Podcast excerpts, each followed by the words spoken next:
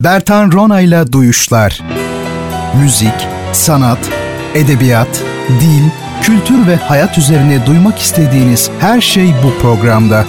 Bertan Ronayla Duyuşlar her çarşamba saat 22'de Samsun'un Gerçek Radyosu'nda. Bertan Ronayla Duyuşlar başlıyor. Sevgili dinleyiciler, Radyo Gerçek'te Bertan Rona ile Duyuşlar programına hoş geldiniz, safalar getirdiniz. Bendeniz Bertan Rona, Duyuşlar programını sizler için hazırlayıp sunuyorum. Programımı her çarşamba saat 22'de naklen ve her pazar saat 21'de banttan Radyo Gerçek'te dinleyebilirsiniz. Sorularınız için Twitter hesabım Bertan Rona. Buradan bana soru ve önerileriniz eğer varsa iletebilirsiniz efendim. E, bugün programıma bir Azeri besteciyi tanıtarak başlamak istiyorum. Bu besteci Fikret Amirov. Fikret Amirov 1922'de Gence şehrinde doğmuş. Ee, Azerbaycan halk müziği çevresinde büyümüş. Kendisiyle ilgili ansiklopedik kaynaklar böyle bir bilgi veriyor.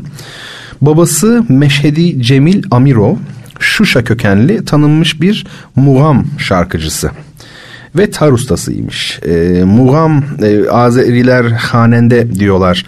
Bu Azerilerin şimdi mugam dedikleri şey kelime olarak bizdeki makam e, demek oluyor.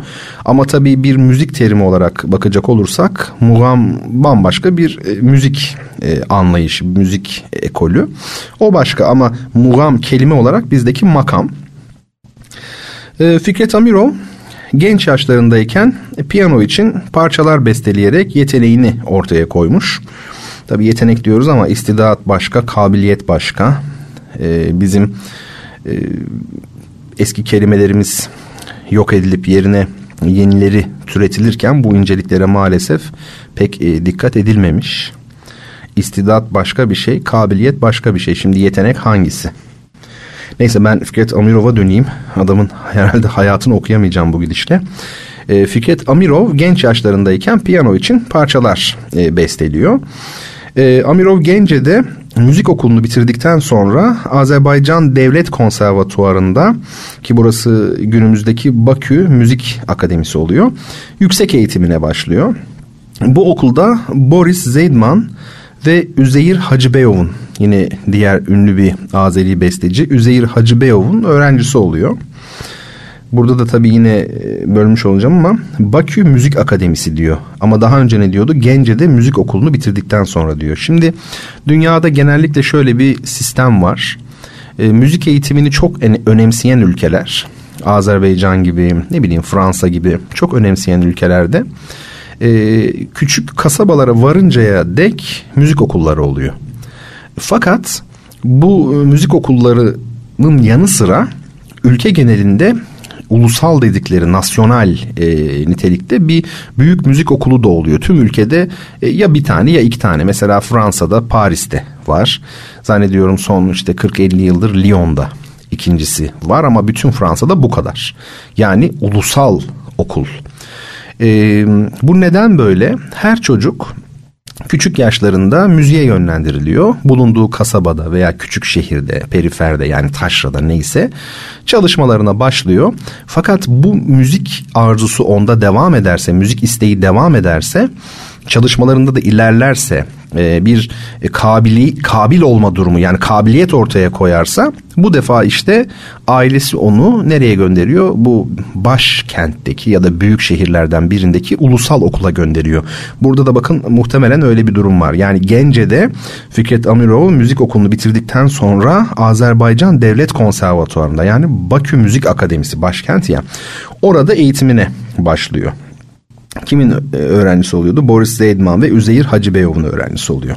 Şimdi bundan sonrası ilginç. 1941'de Nazi Almanyası e, Sovyet Sosyalist Cumhuriyetler Birliği'ne saldırdıktan sonra 19 yaşındaki Fikret Amirov Sovyet ordusunda hizmete başlıyor. Ama çok ilginç Voronezh şehri yakınlarında çatışmada bir çatışmada yaralanıyor. Ne maceralı bir hayat değil mi? E, geçen haftalarda konuştuğumuz sahihlik bahsi geliyor aklıma. Yani bana sanatçının hayatı böyle olmalı gibi geliyor. Yani böyle olmalı derken e, sanatçılar ya da sanat eğitimi alan gençler işi gücü bıraksın orduya katılıp çarpışmalara girsinler demiyorum.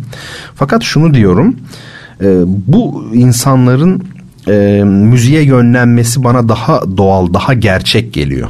Yani ben İkinci Dünya Savaşı'na katılmış, çarpışmada yaralanmış bir insanın besteci ya da e, yönetmen olduğunu duyarsam e, o zaman aklımda bir şüphe olmaz. Yani bu adam sahte mi? Bu adam samimiyetsiz mi?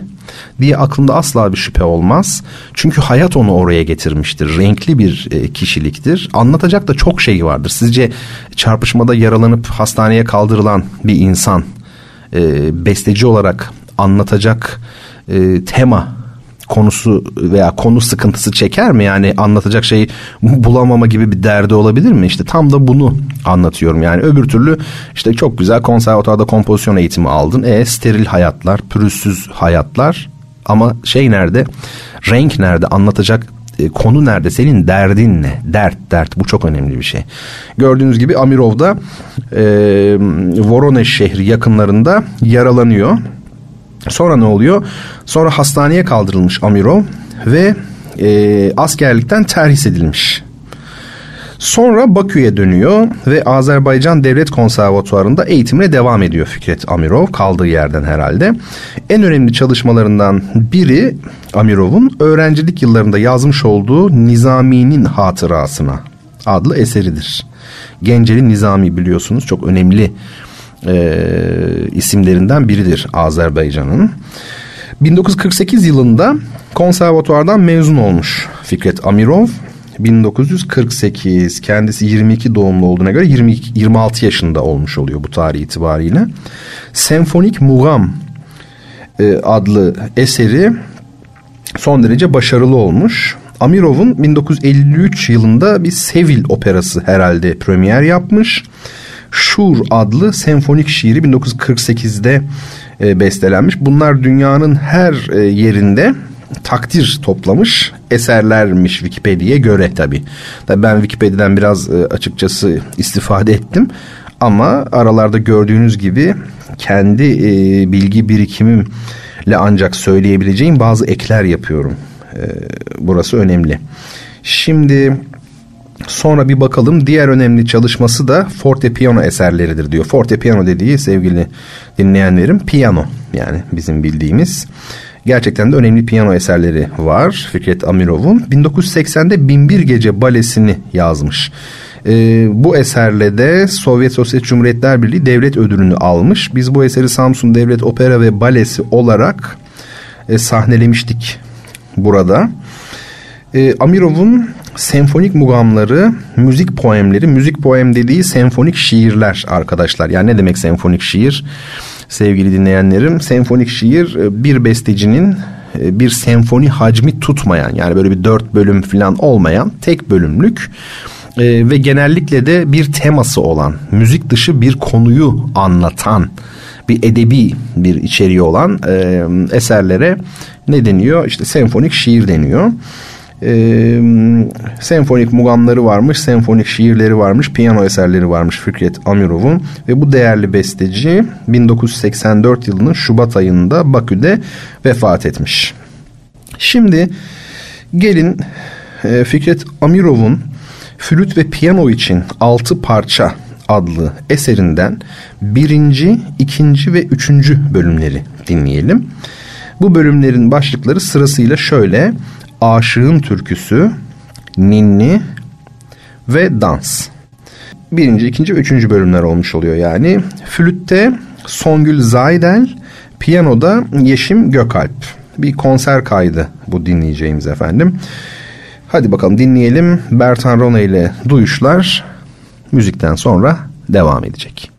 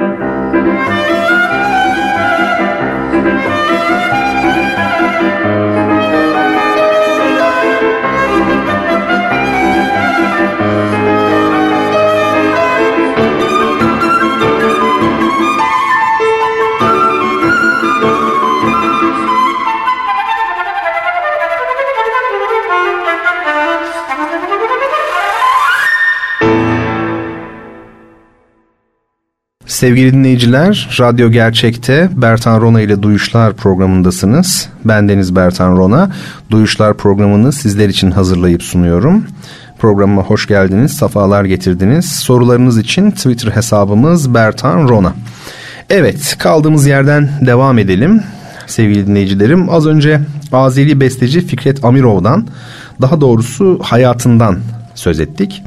Bugün neden bir Azeri besteciyi seçtim? E, zira Azeriler ile kültürel bağlarımızın kuvvetli olduğunu e, ancak bunun hiç ama hiç değerlendirilemediğini düşünüyorum. Ve bu durum beni üzüyor. E, Türkçe konuşan pek çok millet gibi Azeriler ile de ortak işler yapabiliriz. Bakınız dil çok önemli bir hadisedir. İnsanı insan yapan olgudur. Ancak benim burada sözünü ettiğim dil antropolojik, işte psikolojik ya da felsefi yönden değil değil. Daha çok bir kültür taşıyıcısı olan dil. Edebiyatı da dille yapıyorsunuz.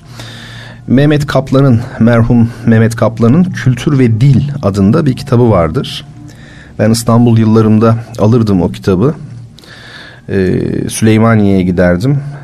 Orada kuru fasulyeciler vardır. Çok güzel, lezzetli yaparlar. Ali Baba vardır meşhur. Karşıda da tabii Süleymaniye Camii vardır. Caminin içinde güzelce bazen saatlerce oturup kültür ve dili okurdum onu hatırlıyorum. Mehmet Kaplan orada diyor ki ben şahsen edebiyatı kültüre denk buluyorum. Ardından da ekliyor Kaplan. Denklik ayniyet demek değildir.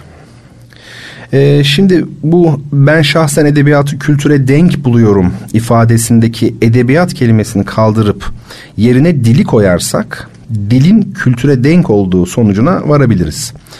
Bakın tüm bunları şunun için söylüyorum. Bugün bir Türkiye Cumhuriyeti vatandaşı İran'ın büyük kısmını, Asya'daki Türk Cumhuriyetlerinin neredeyse tamamını ve yine Balkanların çok büyük bir kısmını Türkçeden başka bir dile ihtiyaç duymaksızın gezip dolaşabilir. Bu sizce de fevkalade bir hadise değil mi? Peki bize böyle bir imkan sunan dil ortaklığını kültürel anlamda ne kadar değerlendirebiliyoruz? Şöyle bir soralım kendimize. Valla bence hemen hemen hiç değerlendiremiyoruz. Bu çok acı bir tablodur. Oysa ki tiyatro, opera, edebiyat gibi dil üzerinden realize edilen alanlarda, branşlarda çok güçlü bir etkileşim içinde olabiliriz. Karşılıklı olarak sanatçılarımız, yazarlarımız gidip gelseler, öğrenci değişim programlarımız e, çok faal bir biçimde işlese, ortak festivaller düzenleyebilsek harika olmaz mı? Bakın ben ajitatif konuşmaları hiç sevmem, hakikaten sevmem. O nedenle de bir zamanlar siyasi bir söylem olarak üretilen iki devlet tek millet sloganını aslında çok doğru bulmuyorum. Vardı ya işte Azerilerle bizi iki devlet ama tek millet olarak ele alan bir sloganımsı sözdü bu. E, az çok toplum bilimi yani sosyoloji ve tarih okumuş olan ya da bilen herkes bizim Azerilerle bambaşka geçmişlere yani tarihsel miraslara sahip olduğumuzu teslim edecektir. Yani hem millet olarak hem de devlet geleneği açısından biz bambaşka e, toplumlarız. Ee, ancak bu kardeş milletler olduğumuz gerçeğini değiştirmiyor tabii ki. O başka bir mesele. Benim burada asıl vurgulamak istediğim zaten bu kardeşliğin lafta kalmayıp uygulamayla pekiştirilmesi. Ki bunun en güzel şekli ortak sanatsal faaliyetleri hayata geçirmek olabilir. Ben bunu pek çok öğrencime aşıladım hayatım boyunca. Bir piyano öğrencimin bana sözü var. Türkiye'de Azeri bestecilerin, Azerbaycan'da da Türk bestecilerin piyano yapıtlarını çalacak restallerinde söz verdi bana. Ee, böyle mutavazı bir mesela noktadan başlanarak bir e, piyanistin restallerinde dönüşümlü olarak bu eserlere bu şekilde yer vermesi noktasından başlanarak bence yukarıda önerdiğim bütün ortak etkinliklere doğru adım adım gidilebilir. Umarım böyle bir girişimi başlatacak gücü olan kişiler sesimizi duyarlar e, ve Türkiye'ye çok şey katacak olan böyle bir düşünceyi benimseyerek harekete geçerler. Dileğim umudum budur. Evet ben bu gece bu nedenle Fikret Amirov'u seçtim. Ondan bir eser seçtim. E, tabii Azeri besteciler Fikret Amirov ile sınırlı değil.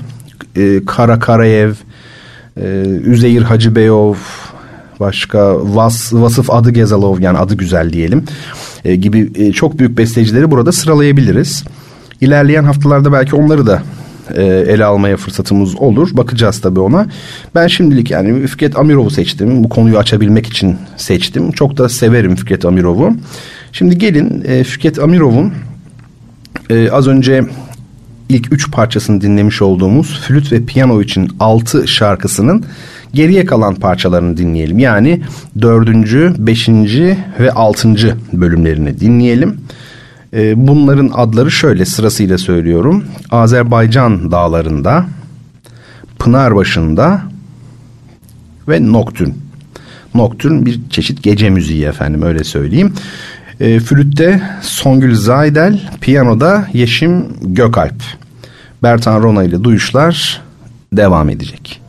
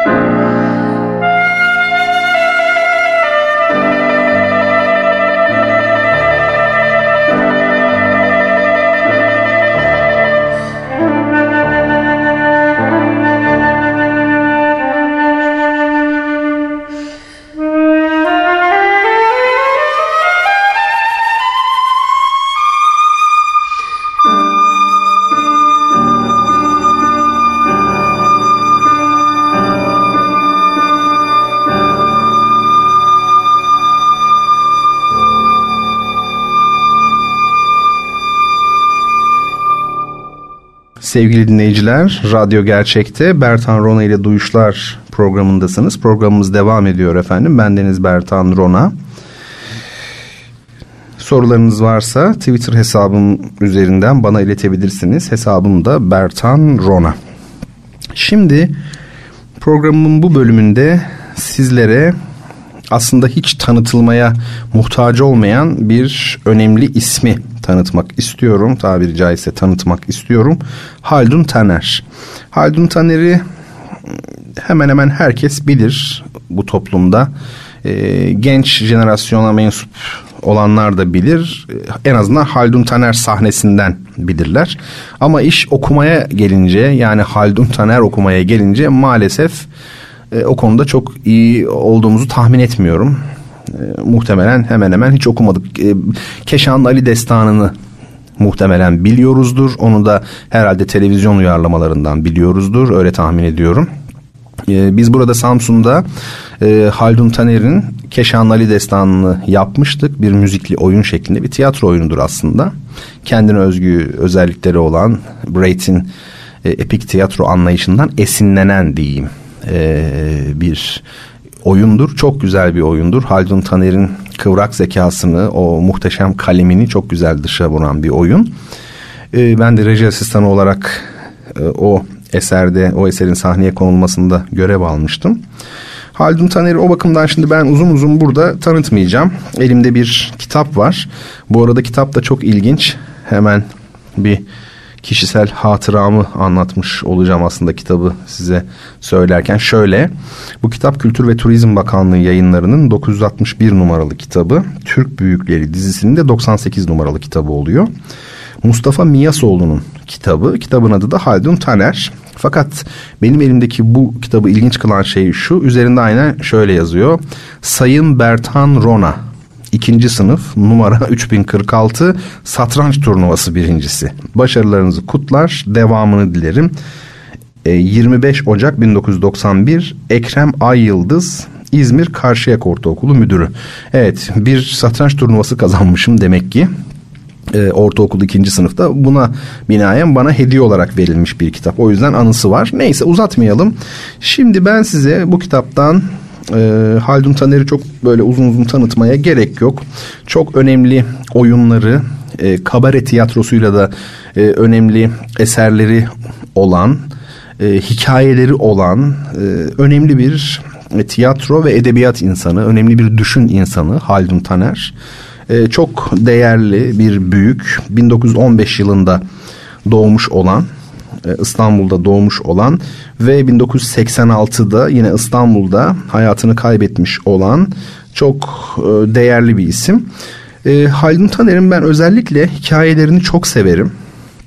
Olağanüstü hikayeleri vardır Haldun Taner'in. Şimdi ben size bir tanesini okumak istiyorum bu hikayelerden birini ve e, kararı size bırakacağım ondan sonra. E, böyle bir hikaye yazılabilir mi? Bu nasıl bir e, kalem erbabı olmaktır. Bunun kararını siz verin.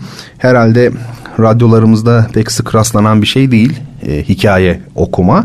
Ama ben sizler için okumaya çalışacağım. Uzun oldukça uzun bir hikaye. Bunu iki parça halinde okumayı düşünüyorum programın bundan sonraki kısmında. Olur mu? Hayal etme zamanı geldi. Kulaklıklarımızı efendim takalım. Zaten takmamışsanız şu an beni dinleyemiyorsunuz demektir. Bazen saçma cümleler vardır böyle. Bu da onlardan biri oldu. Kulaklarım, kulaklıklarımıza iyice sarılalım yani. O, o tür bir şey söylemek istedim. Gözlerimizi kapatıp efendim e, güzelce hayal edelim çünkü e, hikaye yazarları hikayeciler bizleri bambaşka bir dünyaya alıp götürürler ve insanın hayal etme becerisi dünyanın en güzel HD görüntülerinden daha iyidir. Hiçbir görüntü kalitesi onu yakalayamaz. Çünkü siz hayal ediyorsunuz. Siz kuruyorsunuz kafanızda. Bunun e, şeyi yok. Eş değeri yok sevgili dinleyicilerim. O yüzden böyle bir hayal dünyasının içine girelim. Tabii e, ben size okuyacağım. Çok uzun yıllardır da okumadım. Yani ilk görüşte okumuş olacağım. E, sürçülisan edecek olursak affınıza sığınıyoruz. Evet, hikayenin adı neymiş? 12'ye 1 var. Nasıl başladı, ne vakit başladı bilemiyorum. Ama ilk belirtiler 9 yaşımdayken patlak verdi. Misafirlerle bahçede oturuyorduk. Yaşlı bir zat saati sordu. Aksi gibi kimse de saat yoktu. Eniştem içeri saate bakmaya koştu. Ben o aralık 3'ü 23 geçiyor diye vermişim. Bu tutturuşa önce kimse şaşmadı. Boğaz'da geçen vapurlara bakıp zamanı bazen dakikası dakikasına kestirmek mümkündür. Görünürde vapur filan olmadığı anlaşılınca gözler fal taşı gibi açıldı. Peki ama nasıl bildin? Bilmem dedim. Dilimin ucuna geliverdi işte. Rahmetli halam tesadüf acanım dedi. Attı tuttu işte. Olmaz mı böyle şeyler? Öbürküler de evet dediler. Tesadüf ama bu kadar olur yani. İnsanlar mantıklarının normal akışına uymayan olayları bu üç hece ile ne güzel ortadan kaldırıverirler. Kahinliğimin sırf bir tesadüfe dayandığı oy birliğiyle kabul edildi. Hatta ben bile buna inandım. İnanacaktım. Aradan iki hafta geçmiş geçmemişti ki bir gece ter içinde yatağımdan uyandım. Bire beş var, bire beş var diye sayıklıyordum. Kalktım, lambayı yaktım. Dededen kalma ihtiyar duvar saati bire tam beş kalayı gösteriyordu. Niye uyanmıştım? Bu sayıklama neden? Saatin bire beş kalayı gösterdiğini rüyada mı görmüştüm? Yoksa uyku ile uyanıklık arasında mı içime doğdu? Biraz sonra saat dan diye biri vurunca kafama tokmak yemiş gibi ayıldım. Hayır, bu defaki tesadüf olamaz. Başım dönüyor, kulaklarım uğulduyordu. İçimi tarifsiz bir korku kapladı. O güne kadar benden gizli içimde işlemiş durmuş bir saatin tiktaklarını ilk defa o anda duyar gibi oluyordum. Bu tiktak kalbimin atış temposunda olsa şaşmayacaktım. Ama değil. Acele işleyen bir cep saatininkine de benzemiyor. Çok ağır, daha tok. Tıpkı ağır başlı bir pandül gibi. Önce bir kabus geçiriyorum sandım. Kalkıp elimi yüzümü yıkadım. O tempo hala kulaklarımda zonklayıp duruyor. Yalının boş odalarından birine kapandım. Boşuna. Gecelikle bahçeye çıktım. Rıhtıma vuran dalgaların temposu da şaşılacak derecede içimdeki ölçüye uyuyor. Lamıcımı yok, tozutuyorum dedim. Ter içinde oraya yığılmışım. Gelip beni ayıltmışlar, yatağıma yatırmışlar. Boş odalarda ne aradığımı, bahçeye neden çıktığımı sordular. Söylemedim. Hastalıktan, doktordan oldum bittim korkarım. Bunu bir delilik başlangıcı sanmıştım. Söylemezsem sanki kendi kendime düzelecekti. Sırrımı evdekilere açmamakla iyi etmemişim. Belki o zaman bir çaresine bakar, önüne geçerlerdi.'' İlk korkularım yatışınca bu keşfimden övünç bile duymaya başladım. Saate bakmadan saati bilişim mektep arkadaşlarım arasında duyuluverdi. Saati olanlar saatlerini benimle düzeltiyor, olmayanlar dersin bitmesine kaç dakika kaldığını benden soruyorlardı. Benim bu marifetimi bilmeyenlerle bahse girip sırtımdan para kazanan açık gözler bile oldu. Üniversiteye geçince bu melekem daha da kesinleşti. Şimdi artık yalnız akreple yelkovanın değil saniye ibresinin bile kaçta bulunduğunu bildiğim oluyordu. Bir keresinde bir atletizm maçında 800 metre derecesini daha kronometreler ilan etmeden bilişim o zamanki gazetelere bile geçti. Hatta bunun üzerine zamanın en tanınmış ruh doktorlarından biri beni arayıp buldu. Bir takım sualler sordu. Saat tahminleri yaptırdı. Sonra Doktorlar Cemiyeti'nde hakkımda bir tebliğ yayınladı. Hiç unutmam rapor Süjede aşırı derecede gelişmiş bir samiya hassası ve altıncı his derecesinde bir zaman hafızası müşahede edildi diye başlıyordu. Bana kalırsa ben bunu soya çekmeyle izah taraflısıyım. Şecerimi araştırdım bulamadım. Ama soyumda muhakkak zamanla saatle fazlaca uğraşmış bir insan. Ne bileyim ben bir saatçi, bir muvakkit bulunmalı.'' Yoksa doktorun dediği gibi bütün suçu odamdaki duvar saatine yüklemek bana biraz tek taraflı bir izah gibi geliyor. Odamdaki saat atalarımdan kalma bir duvar saatidir. Tam karşımda dedemin bir hattı ile büyük babamın üniformalı resmi arasında sanki onlardan bir şeymiş gibi durur. Dünyaya ilk geldiğimde kulağımın ilk aldığı ses onun tiktakları olmuş. Çocukluğumun sadece çocukluğumun mu ya gençliğimin de gecesini gündüzünü o saatin tiktakları noktaladı. İçimdeki pandülün tiktakları da tıpı tıpına tam onun pandülünün temposunda. Öyle ağır, öyle tok. Şimdi doktorun tezi şu. Normal üstü bir duyma hassam olduğu için şuur altım bu pandülün temposunu adeta bir plak gibi zapt edip kendisine sindirmiş. Şimdi ben o yokken bile onu duyar gibi oluyor, bir yankısı gibi onun temposunu idame ettiriyormuşum. Hasılı onunla denk işleyen canlı bir saat olup çıkmışım. Bu durumda bana öyleyse neden çeyrekleri, yarım saatleri, saat başlarını çalmıyorsun diye sormaktan başka bir şey kalmıyor. Kötü, çok kötü. İster misin büsbütün azıtayım da sade sorulunca değil, sorulmadan da tıpkı telefon merkezindeki konuşan saat gibi her geçen dakikayı durmadan söyleyeyim?'' Doktora vız geliyor. Bir sinir doktoru için saatleşen bir insan kendini at sanan, tren sanan, olmuş bir armut sanan kadar olağandır. Sapıklık böyle böyle başlar. Hangi doktor hastasına resmen sen tozutuyorsun dostum demiştir.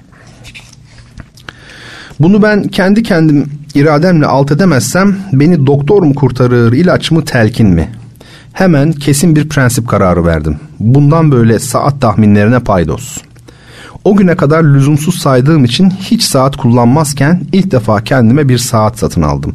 Hem de aylı günlü, en modernlerinden. Saati soranlara saate bakmadan cevap veriyordum. 3-4 hafta hiç falso vermedim. Fakat sonra tevekkeli huycanın altında dememişler. Mesela büroda çalışırken biri saati sorsa unutup kafamdan cevap verdiğim oluyordu. Sonra zamanla insanın içine bir de bit yeniği giriyor a canım. Tahmin yapmaya yapmaya ya bu meleken büsbütün körleşirse. Arada bir irademin dalgın anlarından faydalanarak kaçamak tahminler yapmaya başladım. Günde bir kere mesela yahut iki. Kontrolü kendi saatimle yapmayacak kadar onurluydum çok şükür. Dirseğini bük, kolunu aç, saate bak. Nerede kaldı verdiğim prensip kararı. Halbuki meydan saatlerinin altından geçerken insanın gözü pekala yanlışlıkla şöyle bir yukarı doğru kayabilir. Çoğu defa kendini tongaya bastırmak istediğim oldu. Bile bile sırf yanılmış olmak için 8-15 diye atıyordum mesela. Sonra bakıyorum tutturmuşum. 8'i gerçekten 15 geçiyor. Bütün gayretime rağmen yine doğru saati bilmişim. Yalnız hiç unutmam bir sabah Kadıköy Belediyesi'nin yanındaki saatin altından geçerken yine böyle kaçamak bir tahmin yaptım. 7.11 dedim. Baktım 7'yi 21 geçiyor. Evet 21. Gözlerime inanamadım. Bir sevineyim, bir sevineyim. Dünyalar benim oldu sanki. Kendi kendime al kalemi dedim. Bugünün tarihini defterine kaydet. Bugün senin normal insanlar sırasına girdiğin mutlu ve tarihi bir gündür. Fakat sevincim içimde kaldı. Tam o sırada işçinin biri saate merdiven dayamaz mı? Meret yine 10 dakika ileri gidiyor diye tamire kalkışmaz mı? Kaç doktor değiştirdim. Korkacak bir şey yok diye yemin ediyorlar. İnşallah doğrudur. Geçer mi diye sordukça bilinmez diyorlar. Hem bunun size ne zararı var kuzum? Faydaları da caba. Doğru. Faydasını neden inkar etmeli? Mesela ben bugüne kadar tren, vapur kaçırmış insan değilim. Gece saat kaçta yatarsam yatayım, içimde zilli bir saat kurulmuşçasına sabahleyin istediğim saatte uyanabiliyorum.'' Doğru işleyişimden de ayrıca küçük bir böbürlenme duyduğumu saklamayacağım. saklamayacağım. Bugüne bugün radyo saat ayarı ile geri kaldığım görülmemiştir. Bunlar iyi, kabul. Ama zihnimi, benliğimi, şuur altımı hassas bir anten gibi alabildiğine zaman kavramına böylesine açık ve uyanık tutmak acaba bir gün radyomun akümülatörünü yormayacak mı? Doktor zamanı unut, alakadar olma diyor. Saat kaçsa kaç, sana ne be kardeşim? İyi ama bu sade bir saat işi değil ki birader. Bu her şeyden önce bir tempo meselesi. Haydi hiç saate bakmadık. Saat delişiğimizi kestik diyelim. İçimdeki bu tempodan nasıl kurtulmalı? Her an bu tempoyu duymamı, her şeyde ona uyan veya uymayan tempolar aramamı kim nasıl önleyecek?'' Pandül temposuna uyan her şeye hayran, uymayan her şeye düşmanım. Yavaş giden bir takanın pat patı, döşemeyi kemiren bir kurdun tıkırtısı. Bir musluktan şıpırdayan damlalar, tren tekerleklerinin ray kesiminde çıkardığı gürültü, dört nala giden bir atın şakırtısı, gece asfaltta uzaklaşan topal bir ihtiyarın adımları. Bütün bunlar yorgunsam beni bir anda dinlendirir, neşesizsem keyiflendirir.'' Tersine bu tempoya uymayan seslerden de öylesine sinirleniyorum. Mesela vapurlar. Rıhtıma çarpan dalgaların aralığını bozduğu için bütün vapurlara kızıyorum. Vapur geçip de deniz, sahil art arta hızlı hızlı dövmeye başlayınca beni bir huzursuzluktur alır. Çalışıyorsam dururum, düşünüyorsam kafam işlemez olur, oturuyorsam kalkarım, uyuyorsam uyanırım. Hasılı rahatım kaçar. Hızlı akan bir nehir de insana saat temposunu şaşırttırıyor. Üç yıl boyu içinden böyle bir akarsu geçen bir şehirde oturmuştum. Bahar gelip de nehir çağıl çağıl kabarmaya başlamaz mı? İçimi geri kalmış bir saat huzursuzluğu kaplardı. Bu pandül temposu öylesine sinmiş ki benliğime, sokakta yürürken adımlarımı bile bu tempoya göre atıyorum.'' Ne daha hızlı ne daha yavaş. Sokağa başka biriyle çıkmak istemeyişim bundan. Nişanlımdan sırf bu tempo uyuşmazlığı yüzünden ayrıldım. Ben bir adım atarken o iki, üç atabilse yine uyuşacaktık. Adımları küsurluydu. İki buçuk, iki buçuk. Bu durumda bir insanın ruh temposu benimle nasıl uyuşur? Batı müziğini neden seviyorum? her bestenin altında bir metronom daha sezdiğim için. Geçen de Balkan radyolarından birinde Beethoven'ın 8. senfonisini dinliyordum. Üstadın metronomu bulan Melsel'e armağan olarak ritmik metronom temposunda çalınsın diye bestelediği o ikinci bölümü o her dinleyişimde kendimden geçtiğim canım Allegretto Scherzando'yu herifler tutup da rubato çalmazlar mı? Yakalayıp radyoyu yere çalasım geldi. Nefesimi en tıkayan bir şey de durmuş saatler. Topkapı Müzesi'nde her gidişimde saatler bölümüne, bölümüne uğramadan edemem. Ama her seferinde de boğulur gibi olup hemen kendimi dışarı atarım. Ne kadar değerli, ne kadar hünerli olursa olsun durmuş saat sönmüş fenere benziyor. Ne var ki durmuş saatlerin bir meziyeti hiç değilse günde iki defa doğru saati göstermesidir. Ayarsız saat bunu bile beceremez. Saatin kalitesi kurgu mekanizmasında yani zembereğindedir. Zemberek saatin değil, hayatın da özü, temeli. Bir bakıma hepimiz kurulu birer saat değil miyiz? Yaşama bir kurulma ve çözülme, bir dolma ve boşalmadan başka ne? Yanlışlıkla ölen, kurgusu biten, gençlikte ölen, zembereği bozulan. Eğitim, kültür bile az çok bir kurgu mekanizmasına benzetilemez mi?'' Kurarlar bizi, kurulduğumuz gibi konuşur, hareket ederiz.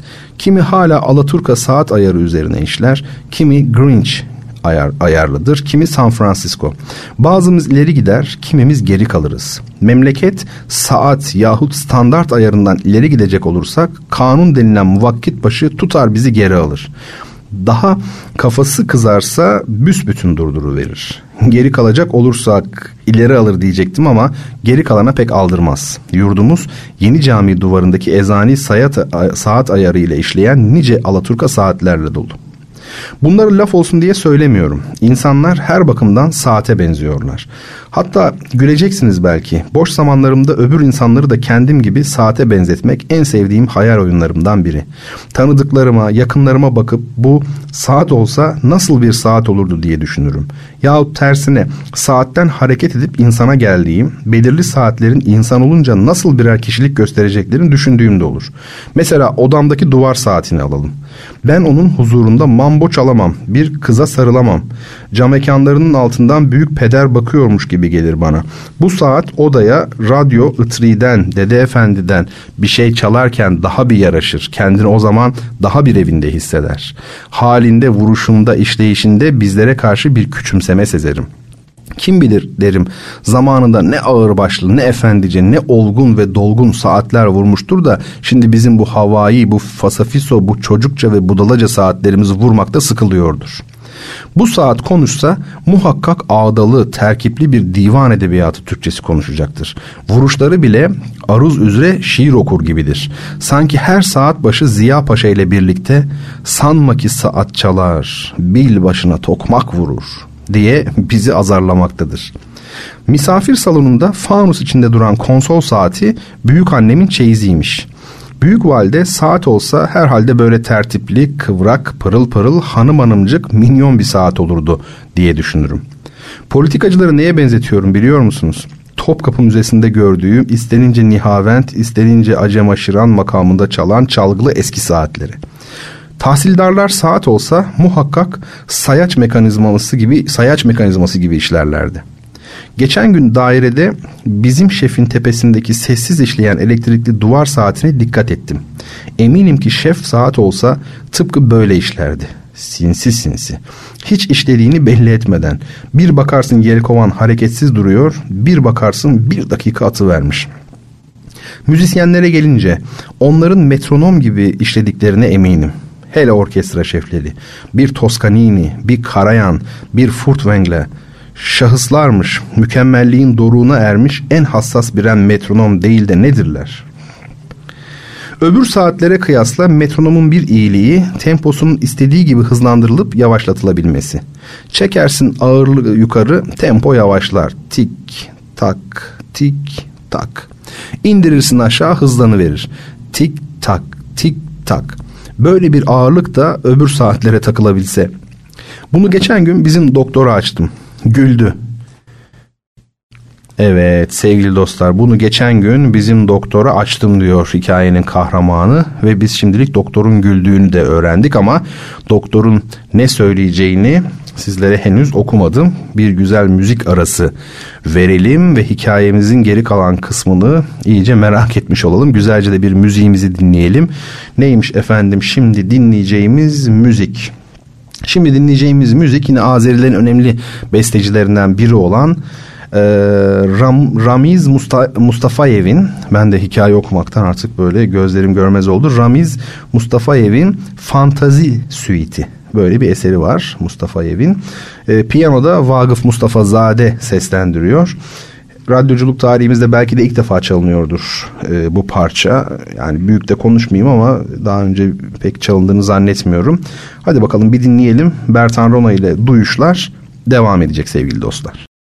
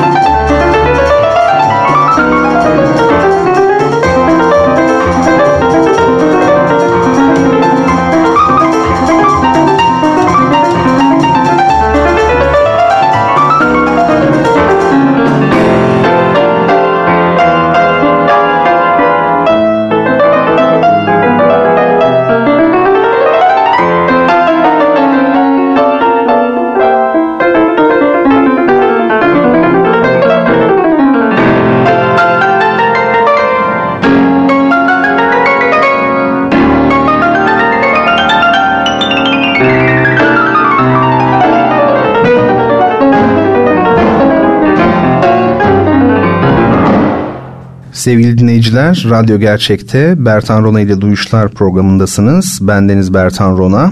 Duyuşlar programını sizler için hazırlayıp sunmaktayım efendim. Sorularınız için Twitter hesabım Bertan Rona.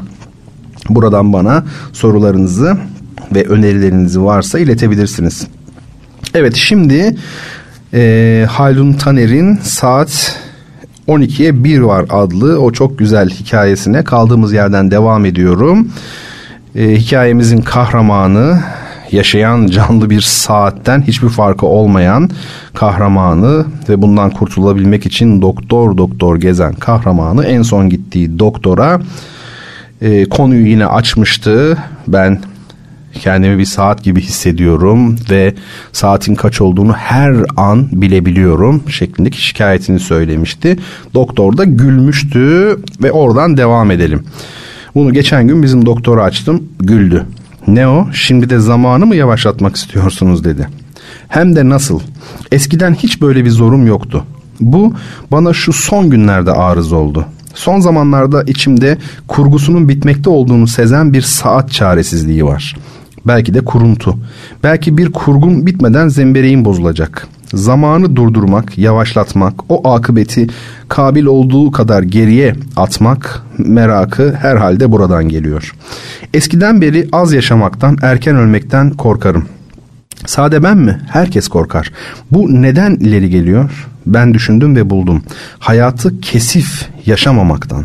Hayatı kesif yaşamaktan neyi anlıyorum? Sevmek, sevilmek, eğlenip yan gelmek, çubuğunu yakıp günlü gün etmek mi?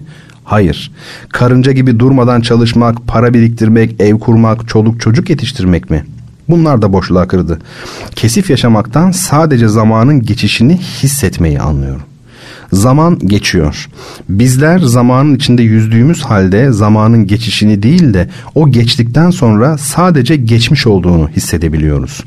O da şaka düşen aklarda, alnımızın kırışıklıklarında, bele yapışan lumbago ağrılarında, nihayet hastalıkta, ölümde. Ama zaman daha geçmeden henüz geçerken onun geçişini adeta gözle görür gibi şuurlu ve uyanık bir şekilde hissedebildiğimiz gün öyle geliyor ki bana bizden habersiz geçmiş zamanın bizde yaratabileceği bütün acı sürprizleri ortadan kaldırmış olacağız. Bu keşfimi nerede yaptım biliyor musunuz? Bir yılbaşı gecesi Kadıköy vapurunun güvertesinde paltoma bürünmüş gidip ta buruna oturmuştum. Bir ara uyuklar gibi olup birden silkindim. 12'ye 1 var diye söyleniverdim. Çakmağı yakıp saate baktım ki doğru. Saniye yelkovanı döndü döndü 60'ın üstüne gelince çıt Saat 11.59 iken 12 oluverdi. Gün kadranında çarşamba yerini perşembe ile değiştirdi. 31 Aralık Aralık çekilip yerini 1 Ocağa bıraktı. Saat yılı göstermiyordu ama 1952 bitip 1953 başlamıştı. Bütün bunlar bir küçük anın marifeti. Hepsi şu ufacık yayın tık diye atıvermesiyle oluyor. An anı kovalıyor, anlar sonsuzlukta eriyor. Çarşamba perşembeyi, perşembe cumayı sürüklüyor. Kasım Aralık oldu, Aralık Ocak, Ocak Şubat olacak. Şubat da Mart. Ve biz karanlığın içinde şu vapur gibi zamanı yara yara ilerliyoruz. Nereye? Bir zamansızlık ülkesine doğru. Karşıda sahil göründü. Esrarlı ve karanlık. Yaklaştıkça yaklaşıyoruz. Ah şu vapur bir dursa, iyisi geri geri gitse, akreple yelkovan yollarını şaşırıp ters işlemeye başlasalar, gün kadranı perşembeden çarşambaya dönse, aylar sondan başa doğru sayılsa, halden geçmişe, yeniden eskiye, neticeden sebebe doğru ters bir akış başlasa. Başladı diyelim, ne olacak?'' Vapur geri geri gitse ulaşacağımız sahil bu sefer de ilk kalktığımız zamansızlık ülkesi olmayacak mı? İster öne git, ister geri. Dünyanın denizleri biter efendi. Madem zamanı durdurmanın çaresi yok, madem zaman akacak, bari geçişini iyice hissetsek. Vapur Kız Kulesi açıklarında. İşte Salacak'a yaklaşıyoruz. Na şurası Selimiye. Şu yeşil ışık Haydarpaşa mendireği. Şu mavi lambalar Kordon Oteli'nin değil mi? Vapur yana dönüyor. İşte Kadıköy iskelesi. Bir böyle geçişin adım adım bilincine vararak gelmek var. Bir de aşağı kamerada gazete okuyup aa gelmişiz diye şaşa kalmak.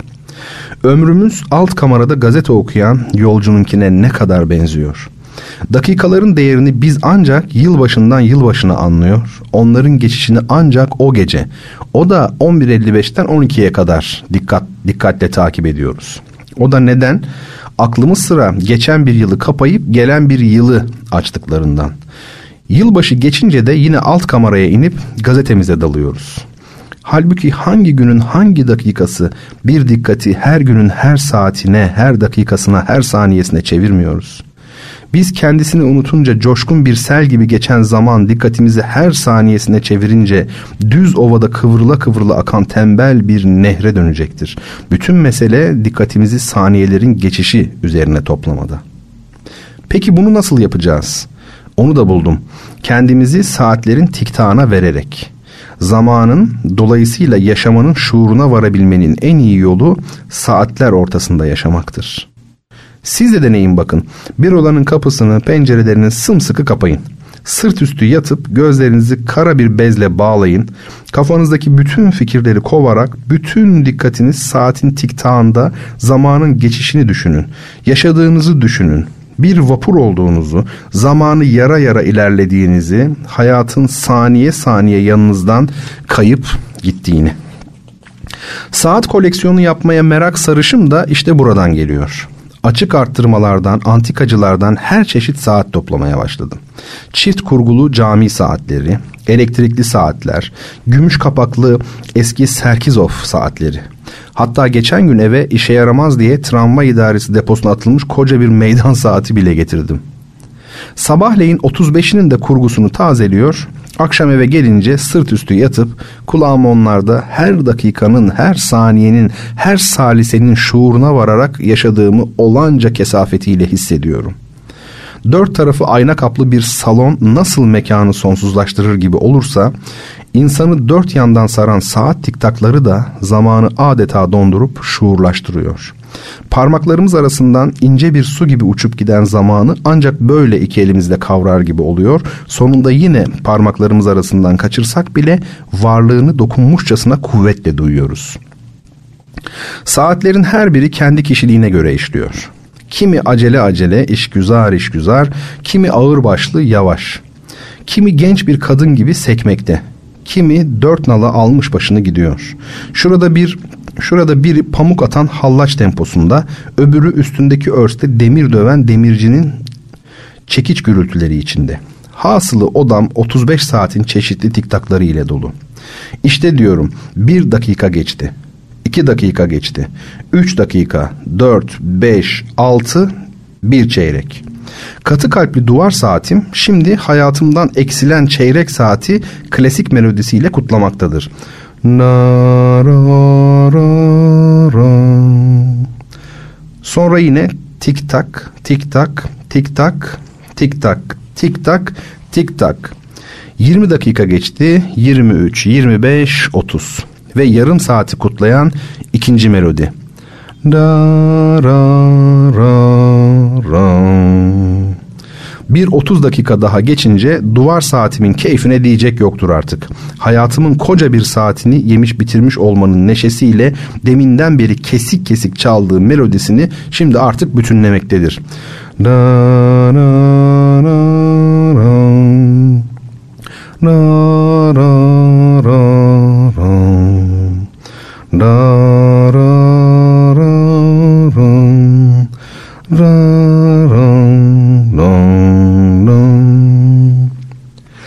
Sonra kafama tokmak vurur gibi dan dan dan dan dan dan.